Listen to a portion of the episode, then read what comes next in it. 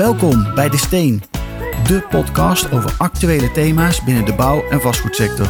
We bespreken maatschappelijke en politieke ontwikkelingen en delen kennis en ervaringen om relevante vraagstukken op te lossen. Van woningbouwopgave en energietransitie tot biodiversiteit en klimaatverandering. Heb jij een inspirerend verhaal? We komen graag bij je langs voor een opname. Deze podcast De Steen wordt mede mogelijk gemaakt door RBF. Dat bestaat uit het jaarlijks RBF Kennisfestival in september, de live-uitzending RBF Draait Door vanuit onze eigen studio in Amsterdam en het maandelijkse kenniskabinet waarbij we politiek en markt samenkomen. Ga voor meer informatie naar www.rbf.nl. En dan nu door naar een nieuwe aflevering van De Steen. Luister je mee? Ja, welkom allemaal. We zijn in het nou, duurzaamste ziekenhuis van de wereld. Durven we misschien wel te zeggen. Um, maar voordat we het daarover gaan hebben, even een korte introductie. De maatschappij verandert in een razend tempo en dat heeft ook gevolgen voor de zorgvraag. De coronapandemie is daar een voorbeeld van en heeft wellicht ook als katalysator gediend voor een aantal bewe bewegingen. Daarnaast is er dan ook nog het 2050-perspectief, waarin het jaar waarin we afgesproken hebben als wereld om CO2-arme gebouwde omgeving gerealiseerd te hebben. En niet te vergeten, dan zijn er ook nog tekorten aan personeel. Kortom, er gebeurt veel in de zorg of ziekenhuizen. Toch? Welkom. Uh, Willem-Jan uh, Hanegraaf van Rijnstaten en Robert Karreman van KNR. Welkom heren. Dankjewel. Dankjewel. Willem-Jan, wat doe jij bij uh, Rijnstaten? Ik ben uh, bouwmanager bij Rijnstaten. Dus in die hoedanigheid verantwoordelijk voor onder andere de realisatie van deze nieuwe locatie in Elst. Um, en kijk ook naar de overal planning die Rijnstaten heeft gemaakt als het gaat om vernieuwbouwprogramma voor de komende jaren. Mooi. En dan zie ik op jouw uh, LinkedIn uh, staan. Vastgoed, facilitair bouw. En dan komt die duurzaamheid, circulariteit, aanjager en positivist. Zo is het maar net. Ja, ja. verklaar. Waarom heb je zoveel met dit soort thema's, zeg maar, met de duurzaamheid en circulariteit? En wil je dat ook op een positieve manier uitstralen, blijkbaar? Ja, nou ja, ik denk dat dat hand in hand gaat. Hè? Dus uh, het feit dat we, uh, je zei het net al, we hebben afspraken met elkaar gemaakt. Op, op, op tafels, uh, onder andere het Parijsakkoord als het gaat om CO2-emissiereductie en het verduurzamen van, van onze maatschappij. Um, nou, ik sta daarvoor. Ik vind dat mooi dat we dat doen. Maar de kunst is natuurlijk ook wel dat we vanuit die tafel naar de praktijk gaan. En nou ja, daar, je moet ook een beetje lol hebben in je werk. En dat doen wij. Dus we maken er een feestje van om dit soort doelen na te jagen en het dan ook werkelijk te realiseren. Ja, en dat vind ik dan wel weer heel knap, dat je het daadwerkelijk realiseert. Want er wordt natuurlijk heel veel over gepraat, inderdaad, aan al die tafels om inderdaad energie-neutraal 2050 of misschien wel wat eerder. Ja. Uh, maar het dan doen, dat is nog wel even wat anders. Ja. ja. Robert uh, Karreman, uh, KNR, vertel, wat doe jij bij KNR? Ik hou me bezig met het verduurzamen van vastgoed. Een hele grote opgave. En dan met name aan, aan de energietransitiedeel. En hoe, zie, hoe kijk jij tegen mensen zoals uh, Willem-Jan aan? Nou, dat is fantastisch om een opdrachtgever te hebben die gewoon zegt: we gaan dit doen. En het dan ook echt doen. Ja. En dat heb ik ook gemerkt bij dit project. In het begin was er toch bij veel mensen aan tafel zo van: ja, ja, dat is wel leuk en mooi. En hoe gaat het nou gebeuren? En op een gegeven moment kwam Willem-Jan een keer die kamer binnen en zei: ja, ik, ik weet niet, maar wij gaan hier gewoon waterstof maken. Als een van de oplossingen in de hele energietransitie. Ja, nou, cool. Toen ontstond dat geloof eigenlijk bij iedereen aan tafel. En dat was een heel mooi, een heel ja. mooi keerpunt in de, in het ontwerp van, de, van het ziekenhuis. Cool. Ja. Hebben we meer Willem Jans nodig in de vastgoedwereld? Nou, absoluut. Ja? ja? Missen we er nog? Zeker. Waarom breekt het aan in die vastgoedwereld om dit daadwerkelijk te gaan doen wat jou betreft? Daadkracht en geloven in, uh, in, in dat iets wel kan. Ja, want het kan. Ja, het kan de technologie zeker. is er. Of de oplossingen zijn er. Ja. Hey, um, Willem-Jan, eerste vraag. Uh, hoe gaat het een ziekenhuisorganisatie als Rijnstaten met deze ontwikkelingen om, zeg maar? Ja, dat is best een, uh, een vraag waar vele antwoorden op mogelijk zijn. Hè? Um, kijk, wij zijn begonnen met, met bijvoorbeeld deze nieuwe ontwikkeling hier in Elst in 2019. Dus dat was de periode zo net voor die coronacrisis. Uh, toen hadden we al wel de ambitie. Hè? Robert had net al over waterstof. Uh, maar als je het hebt over die verduurzamingsambitie, dan begint dat eigenlijk in mijn beleving bij minder behoefte. He, dus en minder behoefte begint heel simpel bij minder vierkante meters. Dus we wilden naar minder vierkante meters uh, ziekenhuisoppervlak uh, op deze locatie, waarbinnen we dezelfde zorg konden leveren als die we nu leveren op twee andere locaties. We hebben op dit moment nog locaties in Zuid en in Velp. En die twee locaties die worden samengebracht op deze nieuwe locatie in Elst. Ja. Dat is 27.000 vierkante meter. En hoeveel- op die oude. En dit is 12.500 vierkante meter. Wow, hoe doe Dus- je dat? Dus dat laat zien dat je, nou dat begint bij innovatie, werkprocessen, eh, maar bijvoorbeeld ook digitalisering. En digitalisering heeft ons ehm, eh, nou echt ver gebracht in de afgelopen periode. Daar heeft corona ons eigenlijk in geholpen. En we konden elkaar niet meer fysiek zien. Dus ook veel minder in de gezondheidszorg. Ja, Ehm, maar ja, die consulten, die, die spreekuren, die zijn wel nodig. Dus zijn we na gaan denken, ook in de gezondheidszorg, over hoe zouden we digitalisering kunnen introduceren in het spreekuur. en dan toch de mensen zien. En dan een- toch de mensen zien. Hè? Dus, Ja. dus waar je, zal maar zeggen, met jouw eh, accountmanager van de bank s'avonds al kon bellen. En waarbij je je ticket kon boeken eh, via TUI of via de KLM eh, eh, digitaal. Moet Voor dat in de gezondheidszorg eigenlijk ook lukken. Ja, En die enorme versnelling, die hebben we in de afgelopen periode wel kunnen maken. En onder andere dat heeft ervoor gezorgd dat nou, dit ontwerp waar we hier nu in staan... binnen die 12.500 vierkante meter gelukt is. Cool. Heb je dan ook nieuwe, nieuwe technologie zeg maar, op medisch vlak, zeg maar? Ehm, om de zorg te verbeteren? nou ja, of is het echt de digitaliseringsslag? Ja, het is een combinatie van dingen. Dus we zien echt wel ook nieuwe technieken die we hier toepassen. Ehm, eh, denk bijvoorbeeld aan een eerste harthulp light die hier eh, op deze locatie komt. Dat betekent dat een deel van onze patiëntengroep straks niet meer naar Arnhem hoeft. Als er ehm, nou, via triage aan de telefoon verwacht wordt dat die eh, mensen iets van een hartaandoening hebben. Ja, Die kunnen dan bijvoorbeeld ook in die eh, openingsuren hier in Els terecht. Voor een deel van die patiëntengroep. Maar een deel is ook wel gewoon bewezen technieken die we al kennen. Alleen die we op een veel breder vlak aan het inzetten zijn op dit moment. Cool. Ja, Ja. en dat is denk ik ook wel waar de gezondheidszorg voor staat. Hè. Dus wij kunnen veel meer innoveren zonder dat we per se een proeftuin worden. ja, Want veilige zorg is natuurlijk altijd nog het belangrijkste wat we moeten leveren. precies. Gezondheidszorg staat uiteindelijk voorop. Zo is het, zo is Ja. het maar net. Ja. Hey, maar dan hebben we het een tijdje nu over gezondheidszorg. Maar vastgoed, eh, daar moet natuurlijk ook heel veel gebeuren. Jij begon al, eh, we begonnen over verduurzaming en circulariteit. Hoe, hoe, hoe staat dat, eh, of hoe is dat hier toegepast? Het is eigenlijk in de breedste zin die je maar kunt bedenken in dit pand. En dat begint bij, eh, nou, hoe kan je veel duurzamer ontwerpen? We hadden het net al over minder vierkante meters. Maar dat betekent bijvoorbeeld ook dat we veel meer data gedreven zijn gaan ontwerpen samen met KNR. Onder andere en ons architect die hierbij bij geholpen heeft. Dus dat betekent dat we eh, klimaatdata, weersinvloeden, noordwest eh, eh, situering van het gebouw, gevelopeningen, dakopeningen.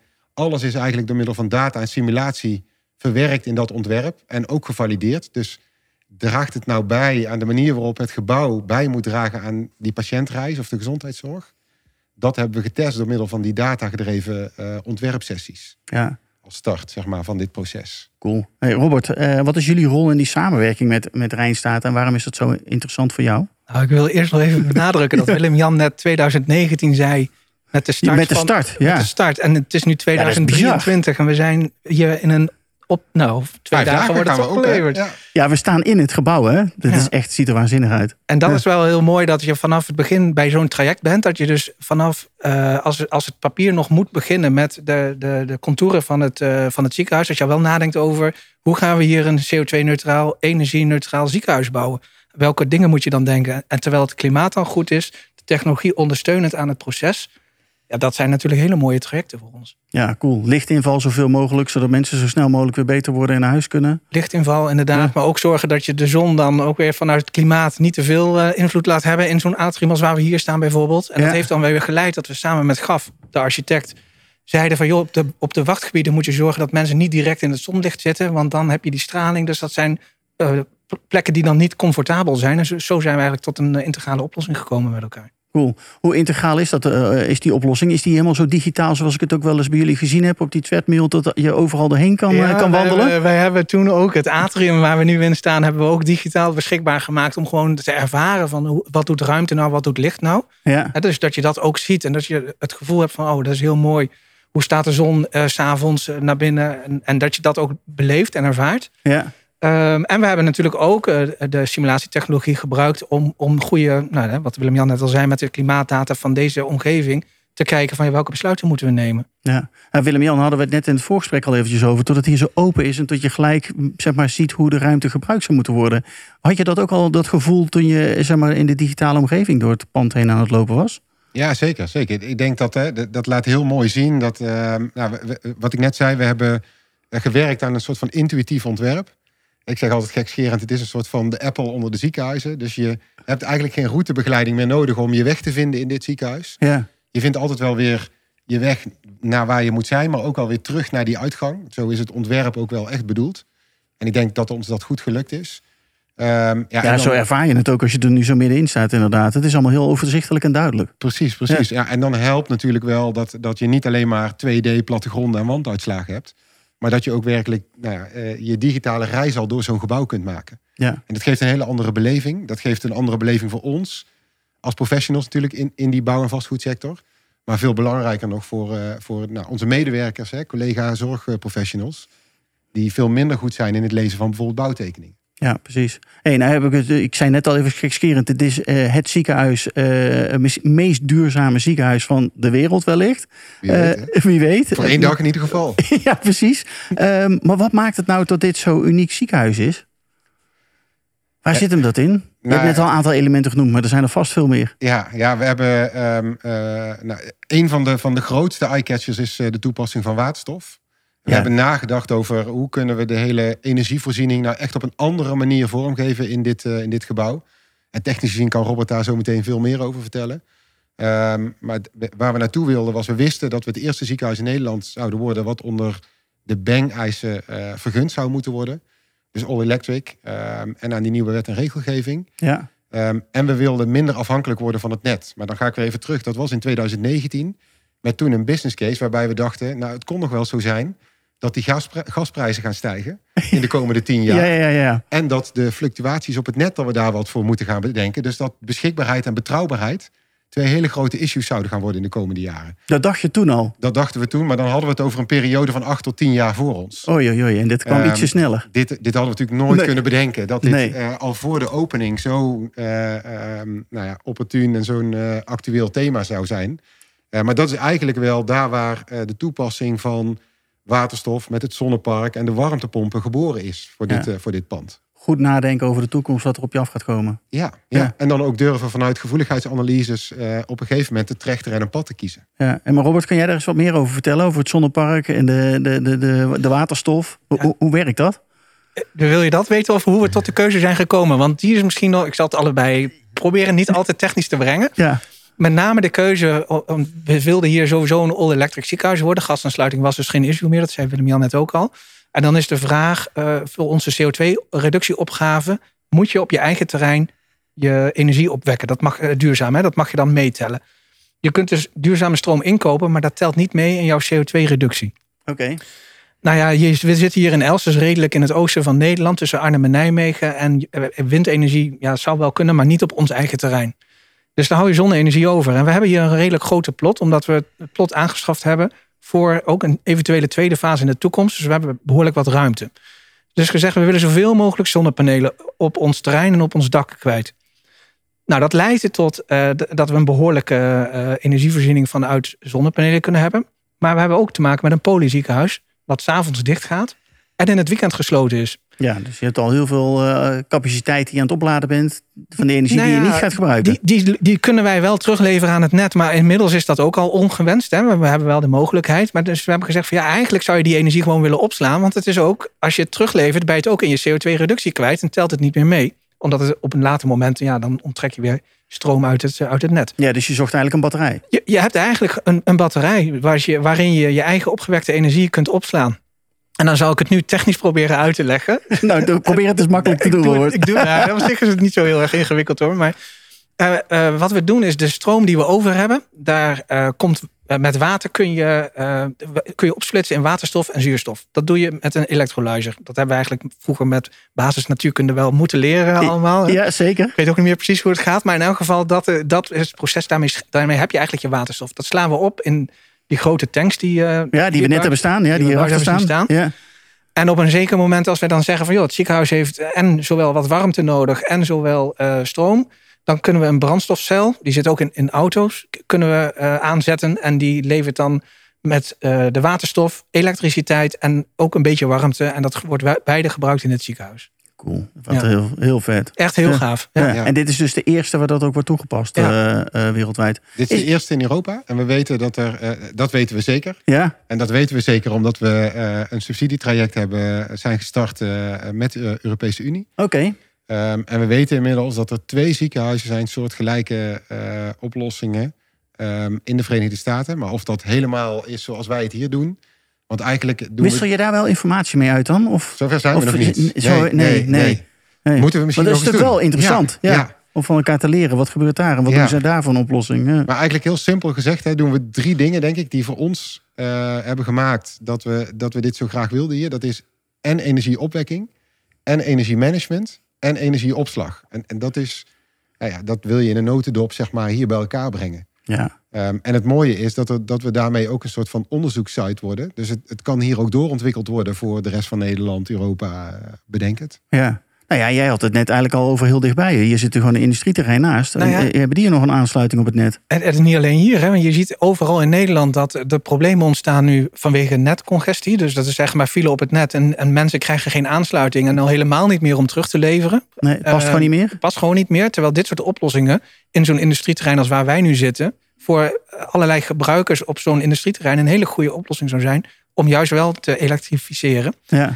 Eh, waarmee je met elkaar eigenlijk een gezamenlijke batterij hebt. Dus de ene levert, de ander onttrekt. En daarmee belast je het net dus niet met zowel terugleveren en ook niet met piekvermogens meer. ja, cool. Dus echt een hele een, een mooie oplossing. oplossing kan voor, niet eh, beter. voor het probleem. Ja. ja. Waarom Of, of je moet acht jaar wachten totdat eh, het eh, net eh, zover ingericht is. is wat jou betreft... eh, ja, maar dat is maar de vraag of dat nog gaat lukken, denk ik. Eh, maar dat is een goede vraag. Ehm, is wat jou betreft eh, waterstof dan ook dus de oplossing op dit moment? Voor dit soort vraagstukken? Nou wa- waterstof heeft wel de eigenschap dat je het langduriger op kunt slaan dan batterijen. En batterijen zijn over het algemeen ook wat minder milieuvriendelijk. Hè, zijn eh, milieubelastender. Eh, Ja. Dus in die zin is waterstof daar zeker een belangrijke oplossing eh, voor. Kijk, het kritiekpunt op waterstof is altijd... ja, als je van stroom eerst waterstof maakt en dan van waterstof weer stroom... dan verlies je twee keer zo'n 30, 35 procent van je energie. Maar die regel geldt alleen als je dus je energie, eh, die, warmte, zeg maar, je restwarmte, als je die niet kwijt kan, dan klopt dat. Ja, Maar zodra je bijvoorbeeld met een zwembad in de buurt of een ziekenhuis die ook altijd warmte nodig heeft, die warmte ook weer kunt gebruiken, dan, dan geldt dat dus niet meer. dan valt het wel mee wat je ja, dan verliest. valt het wel mee. Ja. Ja, ik, Ja. ik geloof ook wel dat het, eh, laten we zeggen, dat er een combinatie van oplossingen, eh, eh, dat, dat dat de totaal eh, oplossing voor de komende periode. Dus dat is nog steeds een net centraal, met misschien lokaal ook eh, eh, oplossingen of aantakkingen. Net zo goed als dat je opslag ook in verschillende vormen kan doen. Hè. Dus we zien opslag in batterijen, opslag in waterstof, opslag in eh, oppervlaktewater. Dus er zijn allerlei mogelijkheden. En de kunst is denk ik dat we dat soort dingen naast elkaar laten bestaan. En ook wel zien dat dingen doorontwikkeld kunnen worden. Hè. Dus die batterij die kon acht jaar geleden ook niet wat die nu kan. Ja, Ehm, en wellicht is, is een waterstofoplossing over acht tot tien jaar ook verder dan dat die nu is. ja. De kunst is wel dat iemand er een keer mee begint. En dat we met elkaar durven om dat dan door te ontwikkelen. Ja, heel cool. Ja, super Ja. inspirerend. Ja, heel inspirerend. hey, maar nou had jij ook circulariteit in je eh, LinkedIn-profiel staan. Je zei net al eventjes van, joh, er is hier heel veel aan met circulaire materialen ook gewerkt. Kun je daar eens wat over vertellen? Ja, we hebben in de bouw eh, rekening gehouden met, eh, met die materialen inderdaad. Hè. Dus denk aan bamboe die we hebben toegepast. Er zit heel veel bamboe in dit gebouw. En die bamboe die zorgt ervoor dat tijdens het groeiproces... snel groeiend gras lokaal heel veel CO2 wordt opgenomen. Eh, maar we hebben er bijvoorbeeld ook rekening mee gehouden... dat aan de, ehm, eh, niet aan de spoorzijde, maar aan de andere zijde... waar we nog uit kunnen bereiden... daar is de gevel zo opgebouwd dat we die heel makkelijk uitpakken. En dat alle betonnen elementen die erin zitten... die hangen eigenlijk vrij, vrij dragend aan de gevel... Ja. Dus die, die halen we er straks uit, mochten we gaan uitbreiden. En dan is, zijn die allemaal weer prima te gaan eh, opnieuw in te passen. Op de nieuwe gevel die je dan Op een de paar... nieuwe gevel voor de uitbreiding bijvoorbeeld. Ja, Ja. precies. Ja, Cool, heel cool. Hey, ehm, wat maakt het nou zo prettig om met KNR samen te werken voor jou, Jan-Willem? Goeie vraag. Ja, Willem-Jan, ja, sorry. Ja. Nou ja, we kennen elkaar natuurlijk al een tijdje. Dus eh, ehm, eh, nou, wat, wat mij enorm helpt, is dat Robert heel goed begrijpt, zal maar zeggen, dat als ik een vraag heb, wat ik nou precies eh, bedoel met die vragen. Dus dan heb je aan twee woorden al snel genoeg. Het knappe in, in de samenwerking met KNR vind ik, met name als het gaat om het technische deel, is dat zij heel goed die intermediair kunnen zijn tussen, laten we zeggen, de echte techniek, de bedrijfskundige deel wat daarbij hoort en het, het, eh, het begrip voor de eindgebruiker. En in die driehoek moet je in een vroege fase van het proces natuurlijk elkaar zien te vinden. Ja, En niks dat is niet altijd even makkelijk. Precies, niks Nee. makkelijker dan vlak langs elkaar heen praten. En dan in die end zeggen tegen elkaar: waarom is dit nou niet gelukt? Nee, precies. Ja, Maar waarom lukt het nu dan wel? ja ik denk omdat we elkaar begrijpen op die manier. hè. Oké. Dus, dus, en dat Ja. is denk ik ook. eh, Kijk, partnerships beginnen ook met elkaar leren kennen. Ja, Dus en, en dan weet je, wat, wat, wat moet je nou wel met elkaar eh, eh, doen en waar heb je misschien ook weer anderen bij nodig. En ik denk dat we elkaar inmiddels zover eh, wel hebben leren kennen. Dat we nou, op, die, op die relatie elkaar heel makkelijk vinden. Ehm, ja, en, en de kunst is er zijn volgens mij niet zo heel veel ehm, eh, organisaties als KNR die dat bedrijfskundige deel met die techniek goed kunnen combineren. Ja, precies. Robert, wat is dat voor jou als je dit zo hoort? Ja, ik ben er stil van, maar dat is natuurlijk heel Dat kan niet op een podcast. Nee, ga ik ook zeker niet zijn. Nee, maar dat is wel wat het is. En ik, ik werk ook gewoon heel fijn samen met Willem-Jan. Precies wat, wat, eh, wat hij zegt, een halve woord. En dan weet ik wat er aan de hand is. En, eh, maar jij hebt ook het vertrouwen. Ik heb niet zoveel met opdrachtgevers die zeg maar, me onder druk zetten. En eh, eh, vanuit de negatieve kant, hè, daar ben ik heel snel klaar mee. Maar bij Willem-Jan is het gewoon...